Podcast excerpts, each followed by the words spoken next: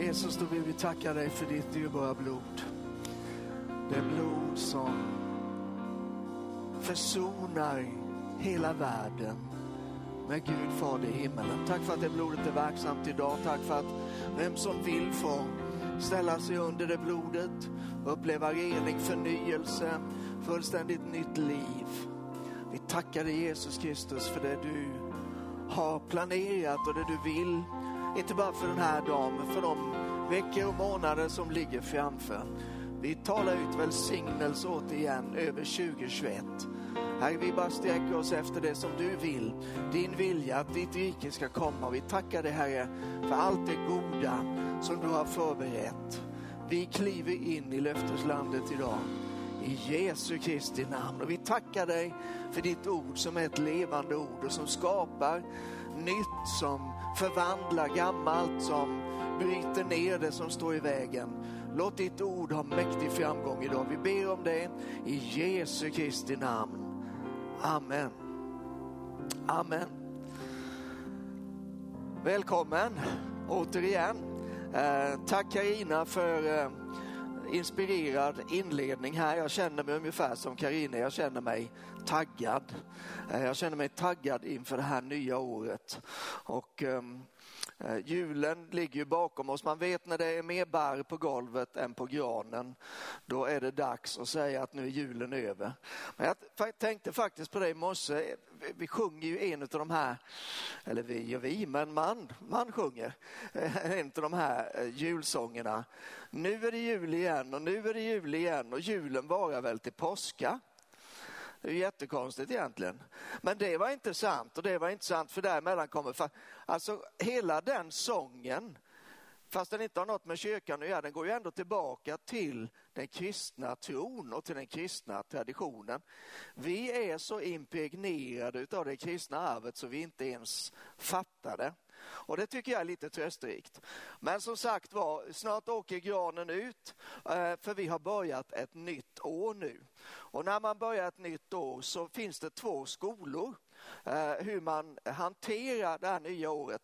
Den ena skolan säger så här, eh, nytt år, nya utmaningar. Och den andra skolan den säger så här, nytt år, nya möjligheter. Oavsett hur man ser på detta så eh, har man ju rätt. Det är nya eh, utmaningar, men det är också nya möjligheter. Frågan är, vad är vi bäst betjänta av att tänka kring det här? För hur man tänker, det har mycket att göra med vilket perspektiv man har och perspektivet i sin tur, det eh, påverkar vad man fokuserar på. Är ditt perspektiv att ja, det kommer att bli utmanande för 2020 var sjukt utmanande? Absolut, då kommer du att fokusera på detta. Men eh, har du ditt fokus eh, på möjligheterna eller perspektivet är på möjligheterna så då kommer du att fokusera också på att välja att vrida din kraft och din uppmärksamhet åt det hållet. Och livet har ju absolut utmaningar, det är ingen tvekan om det. De har stora utmaningar och det har små utmaningar. Men om vi låter perspektivet vila allt för mycket på just utmaningarna, då är risken att vi bränner vårt bästa krut och lägger vår mesta kraft på saker och ting som vi oftast inte kan göra så mycket åt. Ett exempel från förra året då, det är ju det amerikanska presidentvalet. Det är självklart jättebra att man hänger med och, och håller sig uppdaterad och förstår liksom vad som händer i omvärlden. Och, och um, det är också bra att bilda sig en uppfattning eh, i saker och ting. Framför allt är det bra att be för det som händer runt omkring oss. Men det är fullständigt ödesdigert att låta sig uppslukas av någonting som man faktiskt inte har något inflytande över. Väldigt få av oss har ju ens rösträtt i USA. Alla ni som har rösträtt i USA, ni kan lyfta er hand nu. Nej, jag ser inte många händer. Men Ändå så, så går vi på på sociala medier som om vi vore ledarskribent på Washington Post eller ansvarig utgivare på CNN eller Fox beroende på vilken häst vi nu satsade på då. Eh, är det inte lite galet egentligen att någonting som vi inte kan påverka, att vi ändå låter oss fångas och upptas så mycket utav det? Det finns jättemycket annat också som ligger, en del ligger det utanför vår auktoritet, det vill säga vi har, vi har inte fått makt och myndighet att påverka det. Eh, eller också så ligger det utanför den nivå av tro som vi just nu har och därför kan vi inte göra så mycket åt det. Men ändå så håller vi på så mycket med det? När det faktiskt finns massor med saker som vi kan och ska påverka riktigt ordentligt. En sak som vi faktiskt kan påverka vill jag tala om idag. Och ehm, det är en sak som faktiskt prövades mycket under året som gick. Jag tänker på våra relationer. Relationer är någonting djupt mänskligt. Man skulle nästan kunna säga att det är ett mänskligt grundläggande behov. Och djupast sett går det förstås tillbaka till Gud.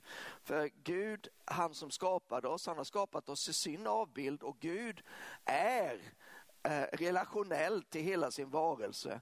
Så att när vi då är skapade lika honom så finns det behovet jättestarkt hos oss också. Och då tänker jag att vi kan prata lite grann om relationer.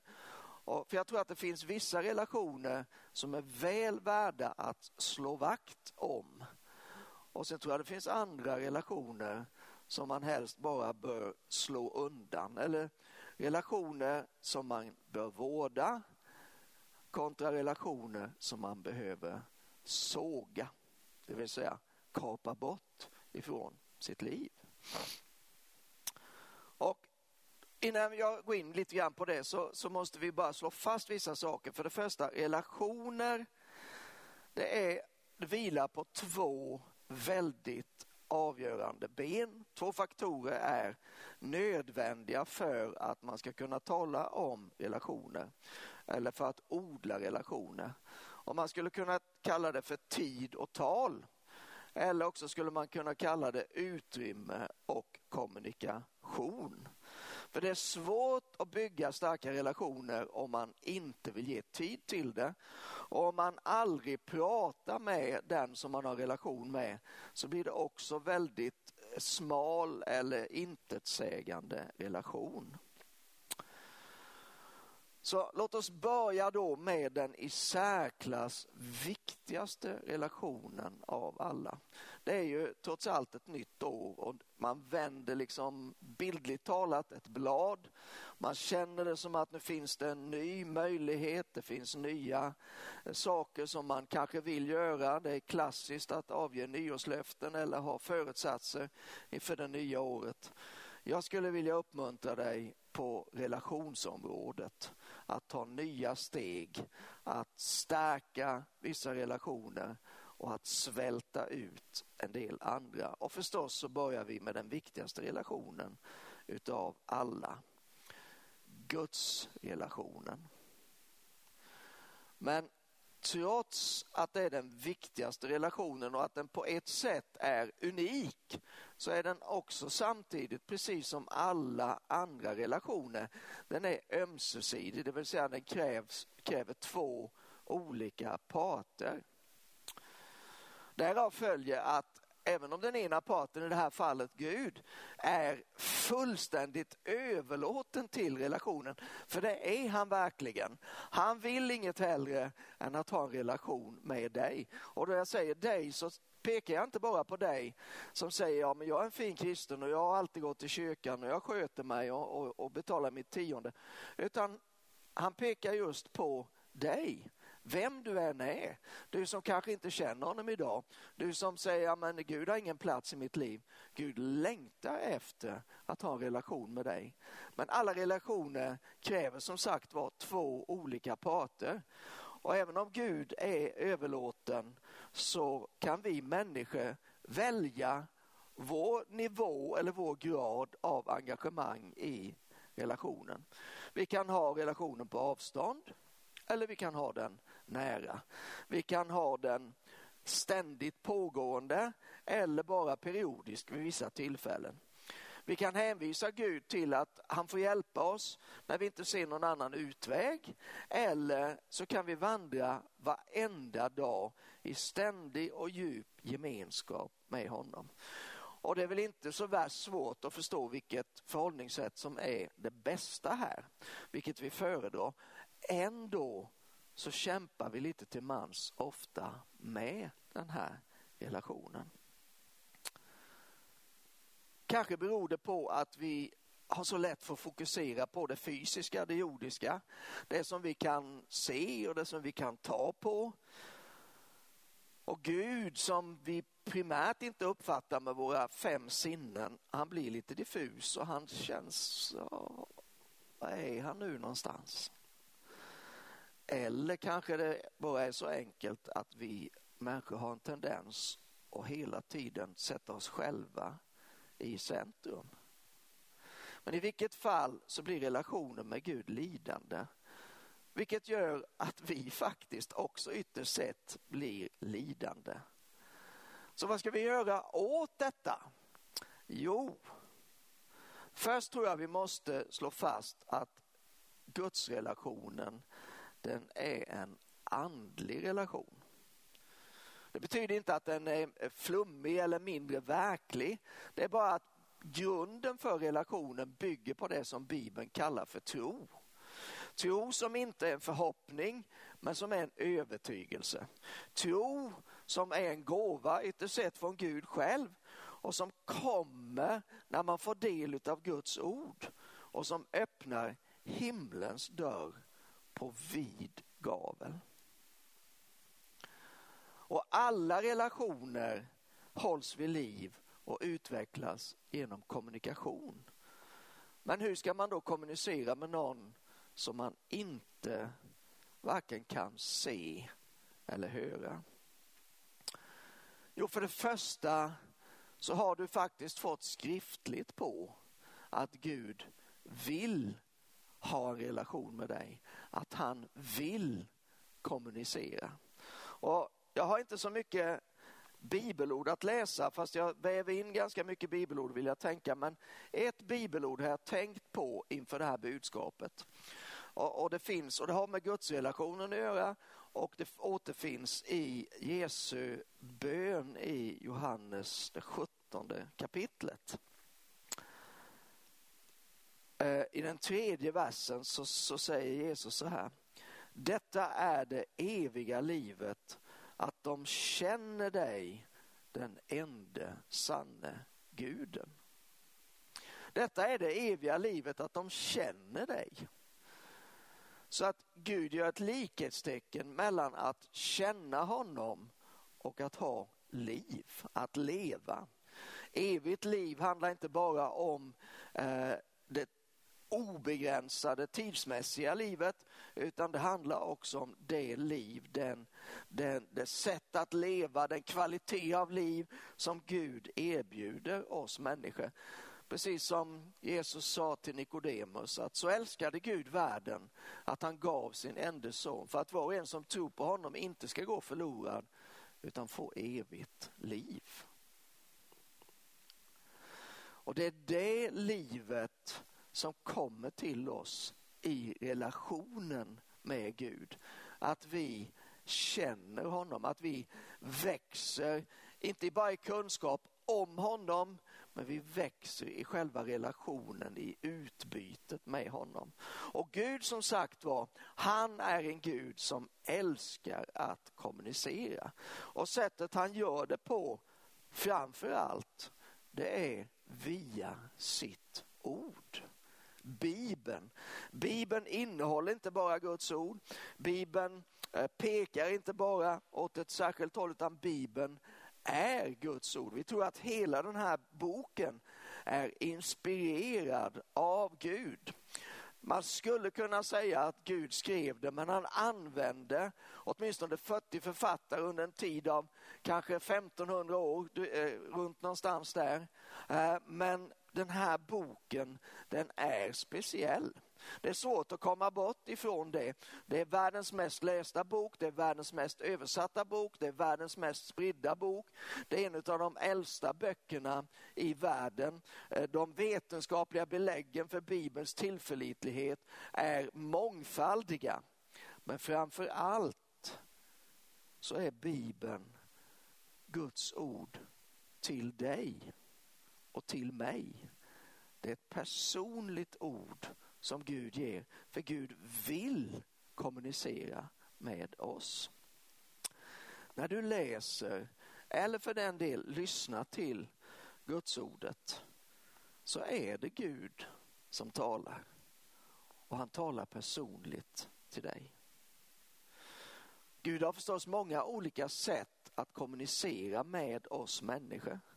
Men det första, det största och skulle jag vilja säga det säkraste sättet att höra från Gud, det är faktiskt så enkelt som att öppna och läsa Bibeln. Varje gång du läser i Bibeln så bygger du på din relation med Gud. Så Gud önskar inget hellre än att du faktiskt ska ta tid eh, och låta honom få tala in i ditt liv genom den här boken.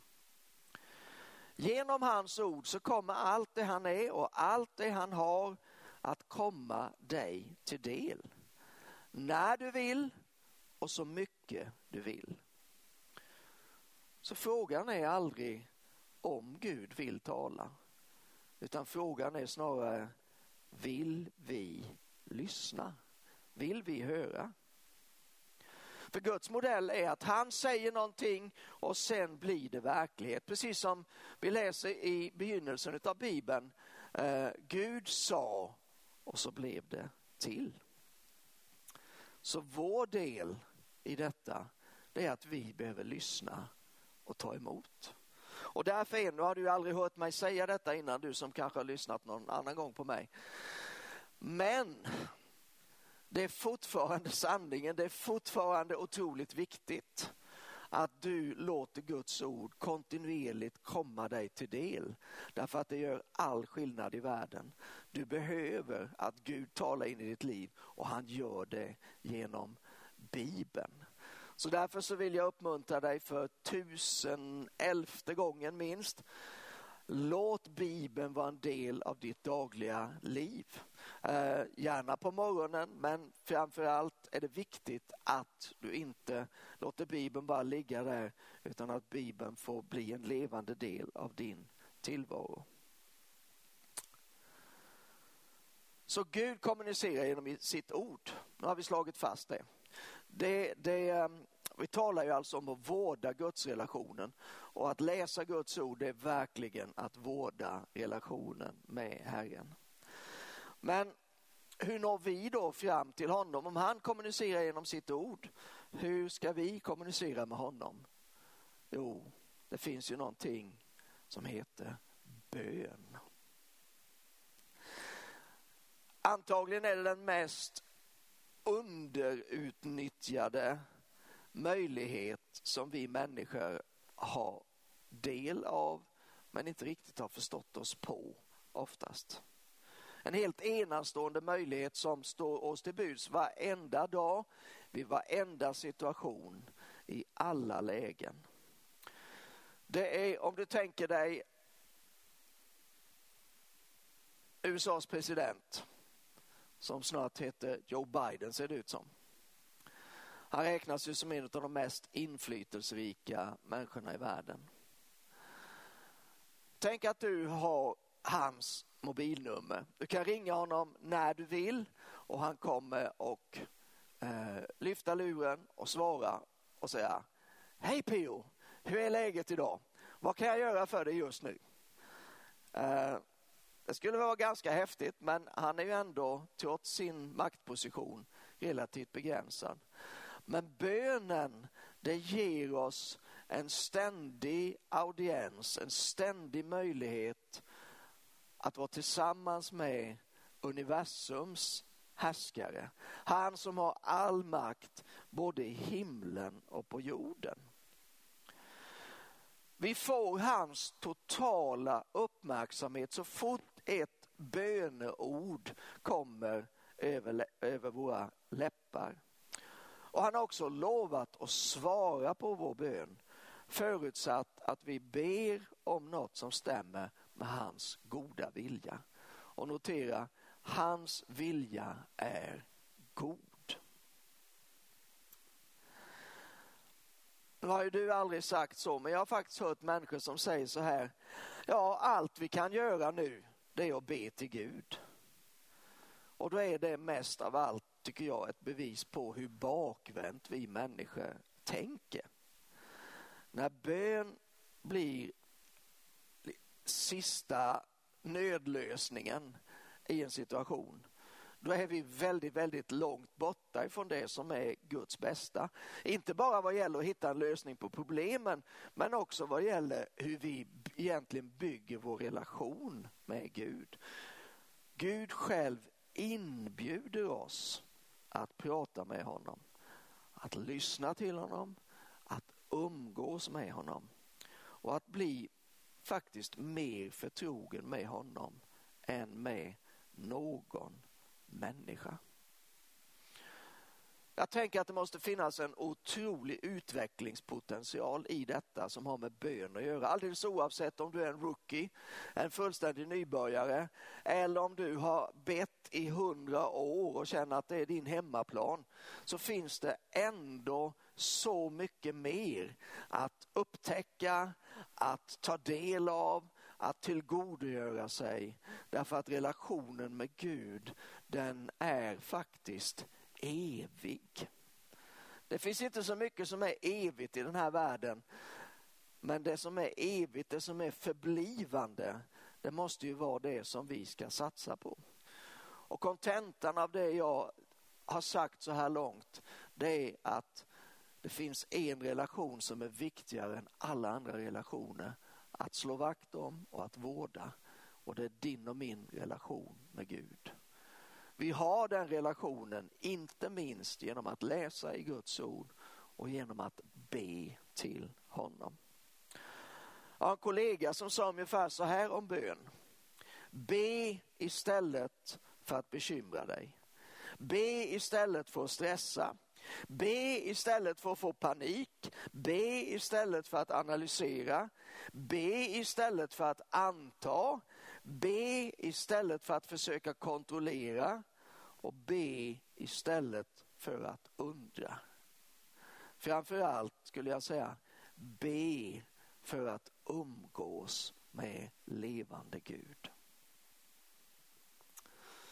Du har antagligen hört det här uttrycket. Säg mig vem du umgås med så ska jag säga dig vem du är. Och på ett liknande sätt så tror jag att man kan säga att hur du och jag relaterar till Bibeln och till bönen, det säger mycket om vilka vi är, men det säger också mycket om vilken plats Gud har fått i våra liv. Om vi slår vakt om relationen med honom eller inte. Det vill säga, är vår relation med honom välmående eller den satt lite på undantag? 2021 är en möjlighet att göra någonting underbart åt detta. Och kom ihåg vad jag sa innan, tid och tal eller utrymme och kommunikation är avgörande för varje relation. Men vi måste prata lite om andra relationer också. En annan relation som jag vill nämna om och som jag tror är viktig, det är relationen till familjen. Och då tänker jag dels på Guds familj, församlingen, som faktiskt på riktigt är Kristi kropp. Jag tror att man kan ta det ganska bokstavligt. När du har relation med församlingen, och då tänker jag inte eh, bara på denna församlingen, eh, men jag tänker på församlingen som eh, en företeelse. De som har gett sina liv till Jesus och som vill följa honom när du har en relation med församlingen, då har du på ett plan också en relation med Gud. Å andra sidan, om du inte har en relation med församlingen, då saknar din relation med Gud ett viktigt element, en viktig del. Men jag tänker också på din egen familj. Din man eller fru, dina barn, dina föräldrar och så vidare. Det är de närmaste relationerna som vi testas allra mest. Men samtidigt så ligger det väldiga välsignelse gömda i just familjen. Och därför skulle jag vilja skicka med dig en utmaning inför 2021. Prioritera relationen med din familj. För jag vågar garantera att det kommer att bära god frukt. Kanske inte bums, men definitivt på lite längre sikt. Men så har vi de andra relationerna, de som du behöver vara noga med i så motto att du ska hålla dem kort eller kanske till och med såga dem helt och hållet. Och en relation som jag vågar säga att du kan såga och bör såga och djupast sett måste såga, det är din relation till synden. För ingenting är så destruktivt både i våra liv och i relationerna med varandra och framförallt i relationen med Gud som just synden. Det är fullständigt omöjligt att vänslas med synden och samtidigt ha en levande relation med Gud. Men det underbara är Tack vare Jesu död och uppståndelse så finns det förlåtelse för synd. Men det finns också befrielse ifrån det vi skulle kunna kalla syndens makt eller syndens inflytande över våra liv. Så vi behöver inte längre synda. Och därför behöver du inte heller längre vara sambo med synden. Du vet traditionellt så har det varit så att eh, kyrkan säger nej till samboförhållanden och ja till äktenskap. Och så tänker vi fortfarande. Men det är samma princip som gäller i förhållandet till synden. Inte att du ska gifta dig med den nu, men samboskap är faktiskt uteslutet. Du behöver kasta ut synden och låsa dörren från insidan och inte ge det något utrymme längre. Sen har vi en annan relation som också behöver sågas. Och det är till en kusin med synden kan vi kan säga, eller åtminstone en nära släkting. Jag tänker på oförlåtelsen. Att ha en relation med oförlåtelsen, det är att dricka gift. Det är att hela tiden tillåta någonting som besudlar oss och som stänger oss ute, självklart från Gud, men också från frid och glädje och tillfredsställelse i livet. Men ofta väljer vi ändå att hålla fast vid oförlåtelse för vi tänker att på något sätt kanske vi kan straffa den eller dem som har gjort oss illa. Men i själva verket så binder vi bara oss själva vid det som har hänt och det som har sårat oss eller på annat sätt har märkt oss. Det finns mängder med människor som lever med oförlåtelse. Därför att deras känslor talar om för dem, nej det är oförlåtligt, det här går inte att förlåta. Eller också lever de oförlåtelse Därför att de hyser så starka negativa känslor mot dem eller den som har gjort dem orätt. Det är förstås extra tragiskt när vi kristna låter oförlåtelse finnas i våra liv. Eftersom vi faktiskt har fått all vår synd förlåten av Gud. Och då tänker jag om Gud kan förlåta alla synder då kan det inte finnas någon synd som egentligen är oförlåtlig. Förlåtelse måste vi komma ihåg, det hämtar inte motivationen eller kraften i våra känslor. För våra känslor vill sällan, eller kanske aldrig, förlåta. Utan förlåtelse hämtar istället kraften i vår vilja. Vi förlåter alltså inte därför att vi känner för det, vi förlåter därför att vi vill det. Och varför vill vi förlåta? Jo, vi vill förlåta därför att det är alltid det rätta att göra. Det är ett bra argument. Jag hämtar de här argumenten ifrån Bibeln. Vi kan prata på kyrkkaffet mer om detta så ska du få bibelord på, på eh, varenda ställe. Det är det rätta att göra.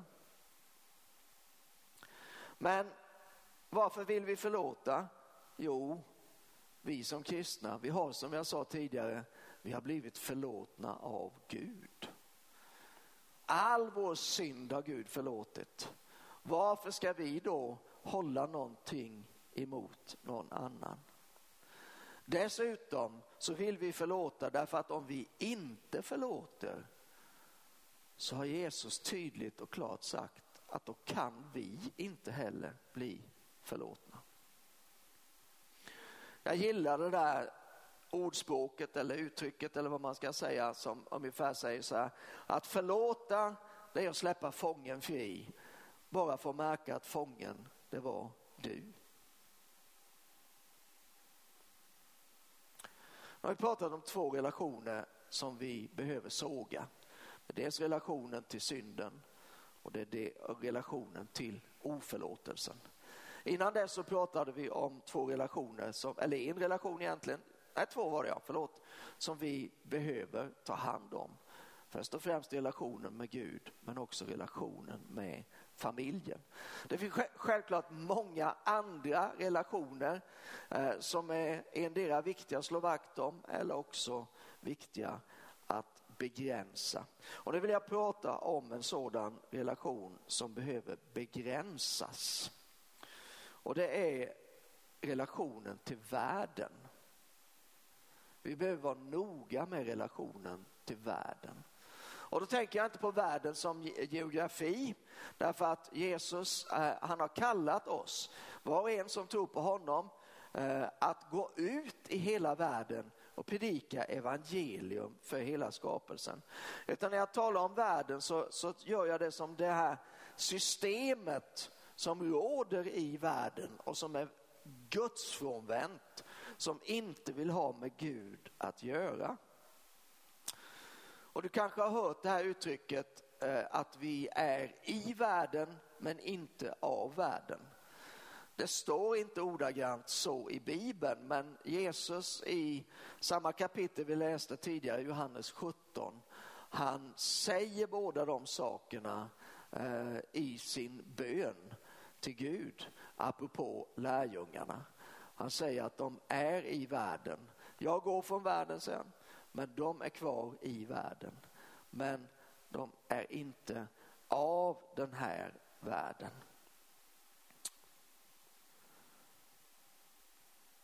Det är det som gäller för dig och mig, vi som är kristna. Vi är inte ämnade att bli lika världen, utan vi är här för att världen ska bli som oss. Det är meningen att det ska vara skillnad på oss och världen. Ibland får vi dem bakfoten och så tänker vi, vi behöver nog bli lite mer som världen för att de ska förstå att vi är som alla andra. Varför brottas vi så mycket med det? Det kan vi fundera på lite senare kanske, men just nu, låt oss bara tänka lite grann på hur funkar den här världen? Ja, världen den är fokuserad på det materiella. Men vi som kristna, det är meningen att vi ska vara fokuserade på det andliga. Världen värderar det yttre. Allt handlar om yta. Hur ser det ut? Hur uppfattar andra människor oss? Vi som kristna, vi ska vara fokuserade på det inre.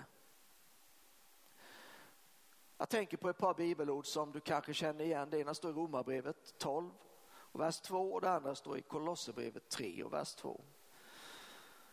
I Romarbrevet står det så här, anpassa er inte efter den här världen. Och i Kolosserbrevet 3 så står det, tänk på det som är där ovan, inte det som är på jorden. Och det har säkert funnits tider då, då kristna har varit totalt världsfrånvända. Eh, det är, jag, det är jag övertygad om. Men jag tänker att i vår tid är det inte den frestelse vi brottas mest med. För tidsandan jobbar ju övertid för att göra oss så lika världen som det bara går. Men den helige ande, han vill att vi ska likna Jesus. Och Jesus står det om, han gick rakt igenom folkhopen. Och han vill att vi ska göra det. Han vill att vi ska avvika, inte vara konstiga, inte galna, men han vill att det ska märkas att vi är annorlunda. Du vet, annorlunda behöver inte vara dåligt. Vi nästan får dåligt samvete om vi tänker att vi skulle vara annorlunda. Men annorlunda kan också vara någonting väldigt bra, någonting friskt, någonting allt igenom positivt. Men när det kommer till frågan om världen så är det viktigt att vi låter Gud få det sista ordet. Och där blir ju med andra ord relationen med Gud väldigt viktig och en hjälp för hur vi ska förhålla oss gentemot den här världen. Inte minst som jag sa, eftersom den här tiden som vi lever i, den liksom svämmas över av en massa olika åsikter och tankar och, och ideologier av alla slag. De är liksom som ormar som försöker slingra sig in och på olika sätt påverka oss. Ändå så finns det fortfarande, trots vad en del hävdar, så finns det fortfarande någonting som är rätt och någonting som är fel. Det finns någonting som är sant och det finns någonting annat som är lögn. Och det är bara tillsammans med Gud genom att vara stark i ordet, i bönen och arbeta tillsammans med Guds ande som det är möjligt att avgöra vad som är vad. Ja, en del är enkelt att genomskåda, jag vet det. Men andra saker så funderar man, eller är det bara jag? Men tillsammans med Gud så kan vi stå på en säker mark.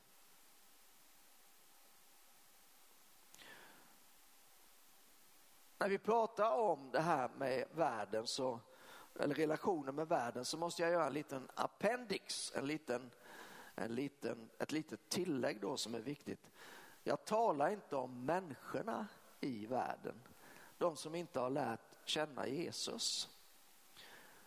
Där har vi en relation som vi faktiskt behöver vårda. Och jag tänker att om våra övriga relationer är på plats så blir det inget problem med relationen med de människorna som bara väntar på att få lära känna Jesus. Då kan vi vara liksom en utsträckt hand ända från himlen rakt in i de personernas liv. Men apropå det här med världen så, så vill jag säga, säga en sak.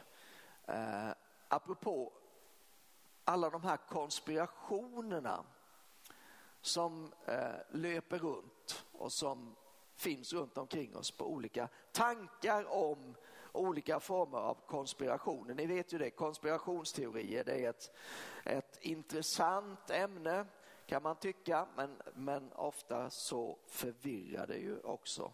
Eh, åtminstone kan det förvirra mig lite ibland.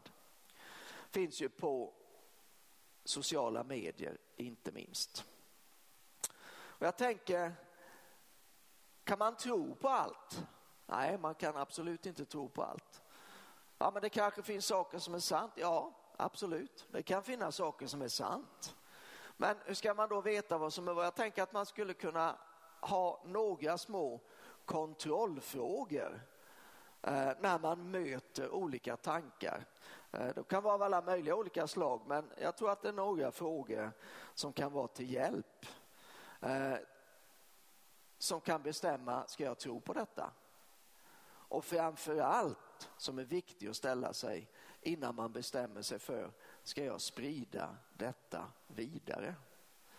För vi har ju alltid det valet. Vi kan inte alltid bestämma allt som kommer emot oss men vi kan definitivt alltid bestämma om det stannar eller får sitt slut här eller om vi skickar det vidare. Så tre enkla kontrollfrågor. För det första, är det överensstämmande med Guds ords samlade vittnesbörd? Jag säger samlade vittnesbörd därför att man kan ju plocka en vers, enskild vers ur Bibeln och bevisa nästan allting. Men stämmer det som vi hör, stämmer det överens med Bibelns samlade vittnesbörd, då är det ju någonting som vi bör sätta vår tilltro till, eller hur? Men en annan fråga det är ju, föder det här som kommer till mig, föder det tro, hopp och kärlek i mig? Eller om jag nu skulle välja att skicka det vidare, kommer det att föda tro, hopp och kärlek i andra som får del av det? Eller ger det snarare näring åt oro och bekymmer och fruktan? Där tror jag är en viktig sak att, att liksom fundera på. Vad väcker det här för reaktioner i mig? Blir jag inspirerad? Känner jag, åh, oh, nu vill jag verkligen göra någonting för Herren? Eller liksom, åh, oh, det är tungt idag. Så kan det också vara en ganska bra fingervisning. Är det här sant? Eller är det bara ren och skär lögn? Eller någonting däremellan. Och för det tredje, den tredje kontrollfrågan. Hjälper detta mig att fokusera på det som är väsentligt? Eller tar det uppmärksamheten bort ifrån det viktiga? I Apostlagärningarna, det andra kapitlet, så proklamerar Petrus att nu börjar ändens tid. Så det betyder att vi lever i ändens tid, eller den yttersta tiden. Och den yttersta tiden så, så har vi eh, Uppenbarelseboken som, som förklarar lite grann om hur det kommer att vara i den yttersta tiden. Och där läser vi, men, men ibland tror jag vi fastnar på alldeles fel saker. Vi fastnar på antikrist och vi, vi fylls av bävan inför antikrist framträdande och vi funderar så vi kan bli blåa i ansiktet på vad är vilddjurets märke och hur kommer det att komma till oss?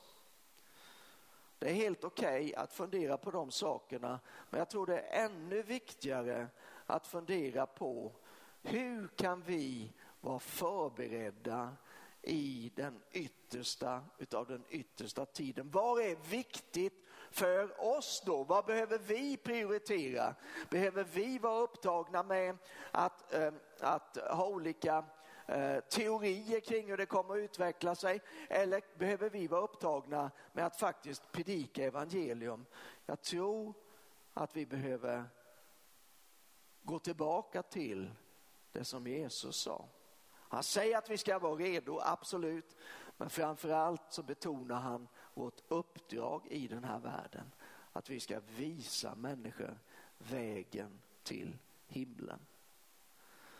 Så jag skulle bara vilja uppmuntra dig Ta inte bara allt som kommer till dig, på vilket sätt det än kommer, utan pröva det om du kan ha hjälp av de här frågorna, jag upprepar dem. Stämmer det med Guds ord samlade vittnesbörd? Föder det tro, hopp och kärlek eller föder det snarare oro, bekymmer och fruktan? Och för det tredje, hjälper det mig eller de som jag väljer att skicka det vidare till, hjälper det oss att fokusera på det väsentliga eller blir vi distraherade av någonting som egentligen är mindre viktigt eller rent ut sagt oviktigt. Ett nytt ord som vi redan har påpekat här idag det är en påminnelse om att förändring är möjlig. Och även stora förändringar börjar nästan alltid i det lilla. Eh, vi som församling bedriver en skola sedan 20 år tillbaka, Sävsjö kristna skola, ett fantastiskt ställe. Vi har en fin lokal mitt i stan och eh, i år till första advent så eh, hade eh, Jonathan eh, som är en förträfflig administratör i verksamheten han hade gjort, eh, gjort det så fint med stora adventsstjärnor och ljusstakar i fönstren så jag sa till honom vid något tillfälle att Jonathan på 20 år så har skolan aldrig varit så fin inför jul som den är just det här året. Och då sa han så här, man överskattar ofta vad man hinner på ett år men man underskattar också ofta vad man kan åstadkomma på fem år. Sensmoralen i det statementet det är förstås att ibland tror vi att stora förändringar kommer att komma omedelbart. Och så när det inte blir så, så slutar vi att göra det som om vi bara höll på med det kommer att skapa stor förändring på lite mer sikt. Att vårda våra relationer lite varje dag, det åstadkommer mirakel på lite längre sikt. Så låt oss göra det. Låt oss såga de dåliga relationerna. Vi har nämnt idag om synden och oförlåtelsen. Det finns andra saker där vi definitivt behöver ta fram sågen eller yxan eller vad som helst som gör att vi bara kan kapa bort det. Det finns relationer där vi behöver vara väldigt noga därför att det är så mycket bedrägligt som vill locka oss bort ifrån Gud och den nära relationen med honom. Vi har nämnt om världen. Den här tidsåldern kallar, kallar Bibeln det för eh, ett, ett inflytande som eh, inte ska gå mot oss utan som vi istället ska ha ett inflytande över. Men framför allt har vi talat om de relationerna som är livsnödvändigt att vårda. Relationen med Gud som vi upprätthåller genom att läsa hans ord och genom att tala med honom i våra böner. Men också har vi nämnt lite grann om relationen med familjen och det blir min slutuppmuntran till dig idag. Ta hand om din familj. Vårda relationen med din familj. Du kan tänka, du kanske har en liten familj och det är väldigt behändigt och så, ja men vårda den relationen då. Eller du, har, du tänker på hela släkten. Det är jättebra. Eh, Paulus skriver till Timoteus att de som inte tar hand om sina egna, de är det inte mycket värt att hänga i granen. Får jag avsluta med att tala till dig som kanske inte har den här relationen med Gud ännu. Eh, i vanliga fall, och vi, vi saknar verkligen det nu, det får jag, får jag vara den första att erkänna, så brukar vi välkomna folk hit till kyrkan och det står folk, eh, vi har till och med förberett med skyltar som man skulle stå utanför och hälsa folk välkomna. Det finns brickor som vi hänger på vissa människor som står och Åh, vad kul att du är här, välkommen hit. Nu kan vi inte göra det, vi kan inte säga välkommen till kyrkan. Men vet du vad? Det viktigaste är inte att du är välkommen till kyrkan, även om vi skulle önska att vi hade det här. Men det viktigaste det är att du är välkommen till Jesus. För det är du verkligen. Du har en inbjudan, du som kanske inte känner Gud, du har en inbjudan att få en relation med honom. Och det finns många idéer kring vad man behöver göra olika religiösa filosofier och föreställningar erbjuder olika vägar. Bibeln säger Jesus är enda vägen till Gud. Så det som vi behöver göra, vilka vi än är, vad vi än har gjort, hur vi än har det, det är att vi behöver sätta vår tilltro till Jesus Kristus. Och varför är han så viktig? Varför är hans namn så speciellt? För Bibeln säger så här, var och en som ropar namnet Jesus kan bli räddad, kommer att bli räddad. Jo, Jesus är så speciell därför att han är den som dog på ett kors som dog för dina och mina synder, som tog på sig det som skilde dig och mig ifrån Gud. Det som omöjliggjorde relationen med Gud. Jesus tog det för att vi inte längre skulle behöva bära det. Han dog i vårt ställe och efter tre dagar uppstod han igen. Och därför så erbjuder han oss och kan på riktigt erbjuda oss sitt liv, det eviga livet. Det som vi citerade tidigare från Johannes 3 och 16. Och han erbjuder det till dig. Så Jesus, han är vägen, inte bara till himlen, men han är vägen till Gud. Och du är erbjuden, inbjuden att få en levande relation med Gud. Jag skulle vilja be en bön för dig som kanske sitter där och lyssnar på vad jag säger just nu men som inte har bestämt dig riktigt. Jag skulle bara vilja be att Jesus gör ett hembesök hos dig. När du inte nu kan komma till kyrkan så är jag övertygad om att Jesus gärna kommer till dig. Och att Jesus blir verklig och nära och att relationen mellan dig och Gud får bli upprättad den här dagen. Så vi ber tillsammans. Fader i himmelen, jag vill tacka dig för Jesus Kristus. Din son och vår Herre. Jag vill tacka dig för den frälsning, den räddning, det nya liv som ges till var och en som ropar på Jesus. Var och en som sätter sin tro till att det Jesus gjorde på korset för så länge sedan, att det faktiskt har relevans och kraft i sig också idag, 2021. Att det fortfarande förvandlar människoliv. Och jag ber Herre för den eller de som, som ännu inte bestämt sig. Jag ber att du ska komma dem nära just nu. Jag ber att du ska tala in i deras liv.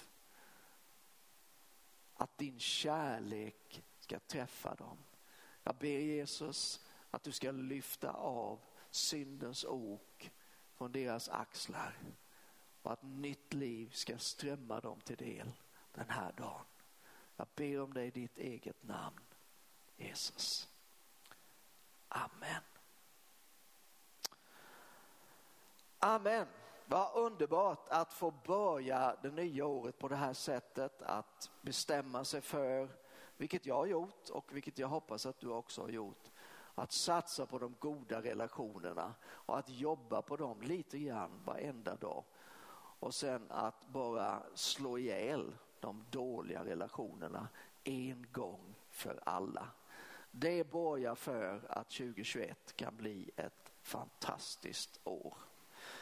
Innan Karina kommer fram och avslutar här, låt mig bara få slå ett litet slag för kökkaffe. Vi har faktiskt det varje